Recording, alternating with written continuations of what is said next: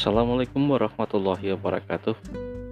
Dalam kuliah daring saat ini, kali ini kita akan berdiskusi dan membahas tentang penentuan harga jual.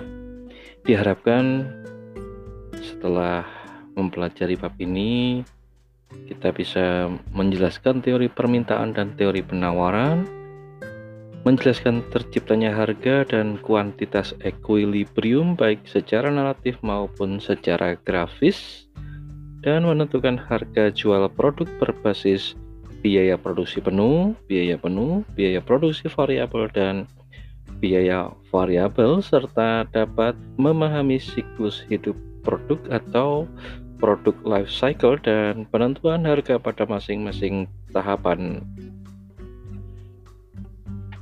Baik, saudara sekalian, sudah barang tentu kita memahami bahwa setiap usaha, setiap entitas bisnis pasti menghasilkan suatu produk.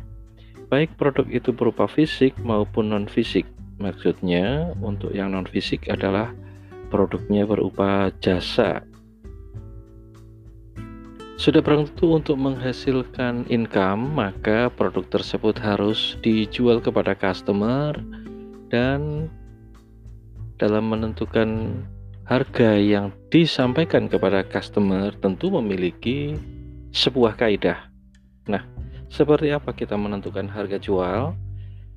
Di akuntansi manajemen tentunya memiliki rekor dan mem manfaatkan rekor historical yang diperoleh oleh akuntansi keuangan atau financial accounting.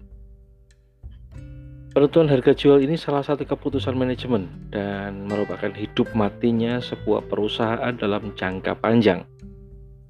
Bergantung pada keputusan pricing atau penetapan harga ini di mana dalam jangka panjang harga jual yang mampu melampaui seluruh biaya perusahaan tentunya akan menyisakan laba normal sehingga perusahaan dapat melanjutkan usahanya atau bahkan semakin besar.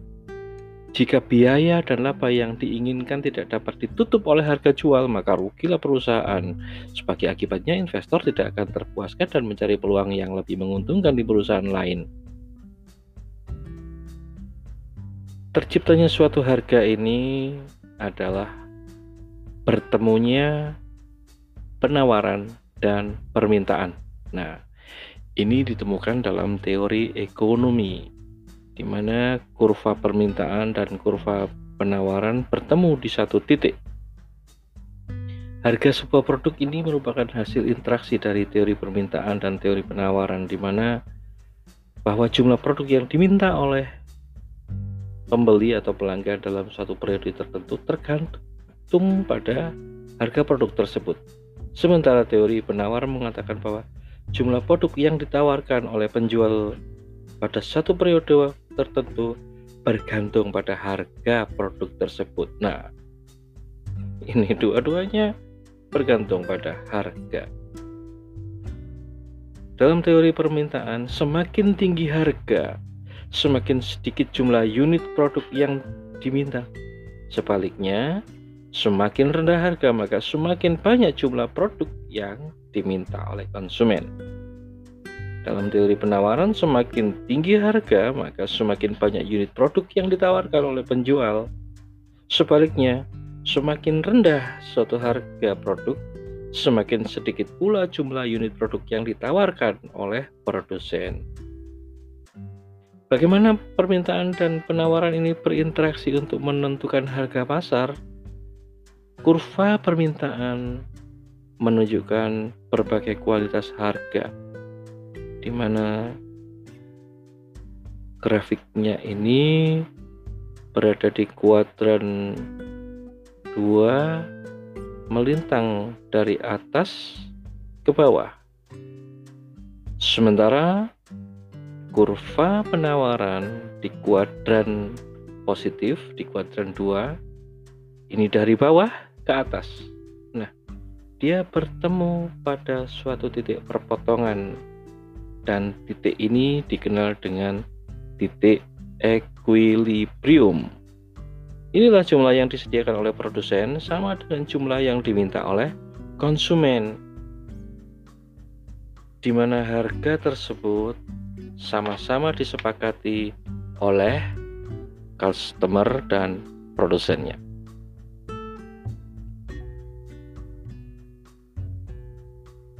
Lalu, kemudian bagaimana? Eh, harga tersebut apakah mati di kurva tersebut? Di situlah terdapat elastisitas. Nah, sekarang bagaimana penentuan harga berdasarkan biaya. Sederhananya bicara begini, kalau kita memproduksi sebuah produk katakanlah jemblem ya. Maka harga yang akan kita tawarkan kepada konsumen itu jangan sampai kurang dari harga berapa kita beli bahan bakunya, berapa kita beli bahan pembantu untuk memproduksi jemblem tadi, berapa harga yang kita uh, biaya yang kita keluarkan untuk membayar tenaga kerja, membayar listrik, membayar uh, pengeluaran yang terjadi sehingga kita memproduksi jemblem tersebut. Katakanlah kita membeli satu kilo singkong menghasilkan 10 biji jemblem. Nah, berapa rupiah kita tentukan untuk menjual satu biji jemblemnya. Kita membeli satu kilo singkong 2000 untuk menggoreng dan memberi eh, merasa manis dan lezat di jemblem tersebut kita perlu gula, kita perlu minyak goreng, kita perlu uh, gas. Nah, katakanlah kita mengeluarkan biaya untuk gula memberi gula dan memberi garam 1 kg singkong untuk 10 biji jamlum tadi kita membutuhkan 10.000 kemudian tenaga kerja yang dikeluarkan jangan sampai tidak diberi harga. Untuk menghasilkan 10 jamblem tadi singkong tadi mulai dari diparut hingga digoreng sampai di Tiriskan dari penggorengan ini membutuhkan waktu kurang lebih dua jam. Dan per jam diberi upah 10.000 maka ada 20.000 20.000 ditambah 10.000 ditambah 2.000 ada 32.000 kemudian jemblem yang kita produksi 10 maka 32.000 dibagi 10 jangan sampai harga jemblem tadi kurang dari 3.200. Kalau kurang dari 3.200 maka rugilah pengusaha jamlem tadi. Jual 5.000 gak laku, ya konsumen? Di situ contoh penentuan harga berdasarkan biaya.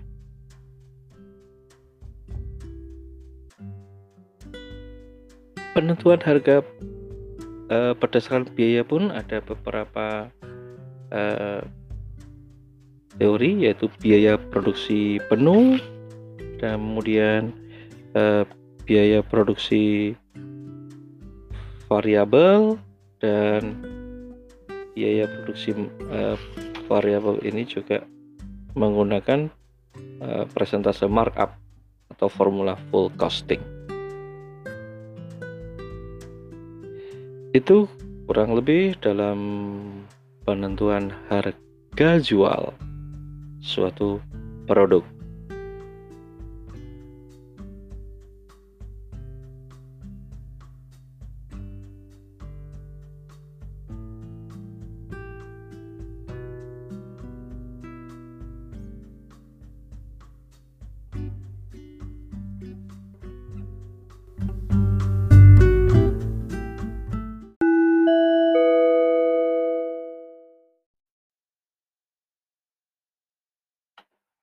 Sesuai namanya, harga jual, eh, dengan target costing. Jadi target costing boleh dikatakan kebalikan dari, eh, penentuan harga berbasis biaya seperti yang diuraikan sebelumnya. Jika berbasis biaya yang menentukan harga jual produk ini berdasarkan produknya. Sementara target costing ini mentargetkan biaya produk berdasarkan harga jual uh, yang dikehendaki oleh konsumen, sehingga perusahaan harus mengendalikan betul-betul biaya yang dikeluarkan untuk menghasilkan sebuah produk. Karena kalau melebihi dari harga tersebut, konsumen nggak mau bayar. Oleh karena itu, semua merupakan taksiran dan harga tersebut dinamakan target price. Oleh karena merupakan taksiran, eh, maka perusahaan tersebut harus membuat formula. Formulanya sangat sederhana, yaitu biaya target sama dengan harga target dikurangi laba target. Contoh sederhana, anggaplah eh, setelah dilakukan kajian mendalam, manajemen dapat menaksir bahwa produk rancangan baru dapat terjual Rp1.000. Jadi target harganya adalah 1000. Anggap juga bahwa manajemen menginginkan laba 30%. Berapa biaya targetnya? Maka jawabnya adalah 700. Dengan perhitungan, biaya target sama dengan 1000 target harganya dikurangi 30%. Maka sama dengan 300. 1000 dikurangi 300 sama dengan 700. Jumlah biaya target 700 inilah yang membimbing manajemen untuk merencanakan sebaik-baiknya agar biaya yang dia keluarkan tidak lebih dari 700. Itu.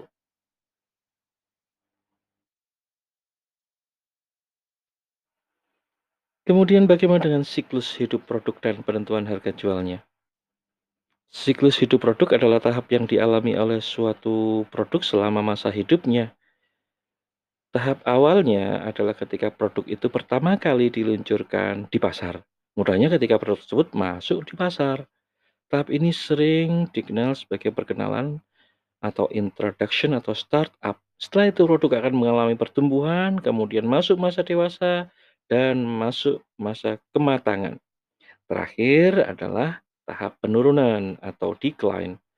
Normalnya produk akan mengalami tahap dari bawah berturut-turut merupakan pengenalan, menanjak, tumbuh, kemudian landai, matang, dan menurun. Nah, durasi produk berada di masing-masing tahap tadi juga tidak harus sama. Ya, Nah, tahap startup biasanya ditandai oleh rendahnya penjualan karena masyarakat belum kenal. Kemudian pada masa growth penjualan mulai tumbuh karena pelanggan mulai mengenal dan menerima produk dan harganya masih bertahan. Pesaing juga belum terlalu banyak. Lalu pada masa kematangan penjualan melandai. Ya, sebagai tanda bahwa ada pesaing yang sudah mulai masuk pasar, harga sudah mulai berkompetisi, dan boleh dikatakan sudah mulai terjadi penurunan di harga. Jika ingin bertahan, perusahaan harus menurunkan harga jual, mengelola biaya yang dikeluarkan. Terakhir pada tahap decline, di mana perusahaan turun, sebab produk sudah mulai menjadi usang, tidak ada inovasi, dan agar bertahan, perusahaan sebaiknya secara signifikan menurunkan harganya. Jika tidak, ia akan terpaksa keluar dari pasar. Demikian yang bisa disampaikan dalam topik pembahasan penentuan harga jual. Beberapa catatan yang bisa kita ambil yang pertama adalah kuantitas dan harga equilibrium sebuah produk ditentukan oleh dua kekuatan yaitu permintaan dan penawaran. Sebagaimana dibahas dalam teori mikroekonomi, Meskipun logis, teori mikroekonomi ini sulit diterangkan secara langsung oleh manajemen untuk menerapkan harga jual produk dalam prakteknya. Kesulitan tersebut mendorong manajemen untuk menentukan harga jual produknya dengan menggunakan informasi biaya. Dengan informasi biaya, manajemen menentukan harga jual dengan formula cost plus pricing, yaitu biaya ditambah dengan markup sebesar presentase laba yang diinginkan dari biaya Kemudian berbagai konsep biaya yang dipakai adalah biaya produksi penuh, biaya penuh, biaya produksi variabel, dan biaya variabel penuh. Pada setiap konsep biaya yang digunakan, markup pada dasarnya untuk menutup biaya selain biaya yang menjadi dasar perhitungan misalnya. Jika produksi penuh menjadi basis penentuan harga jual, yang akan ditutup dengan markup adalah biaya penasaran, biaya administrasi total, biaya entertainment. Apabila biaya tersebut telah tertutup oleh markup, sisa markup setelah itu adalah untuk menutup laba yang diinginkan. Yang ketiga catatannya adalah pendekatan penentuan harga, waktu, dan bahan cocok digunakan oleh perusahaan pencetakan dan bengkel reparasi mobil dan motor. Sesuai dengan namanya, pendekatan ini menetapkan tarif tersendiri untuk komponen waktu dan tarif lainnya untuk komponen bahan. Masing-masing tarif sudah memasukkan laba yang diinginkan. Yang keempat, apabila perusahaan adalah price taker, penentu harga, maka pendekatan target costing yang paling bagus digunakan. Pendekatan ini bukannya untuk menentukan harga jual berdasarkan informasi biaya, melainkan menentukan target biaya untuk memperoleh laba tertentu berdasarkan taksiran harga jual yang akan diterima oleh pasar. Yang terakhir, catatannya adalah penentuan harga jual harus mempertimbangkan pada tahap mana produk berada dalam produk life cycle. Demikian yang bisa kita bahas pada penentuan harga jual. Terima kasih, mari kita diskusikan di forum diskusi. Wassalamualaikum warahmatullahi wabarakatuh.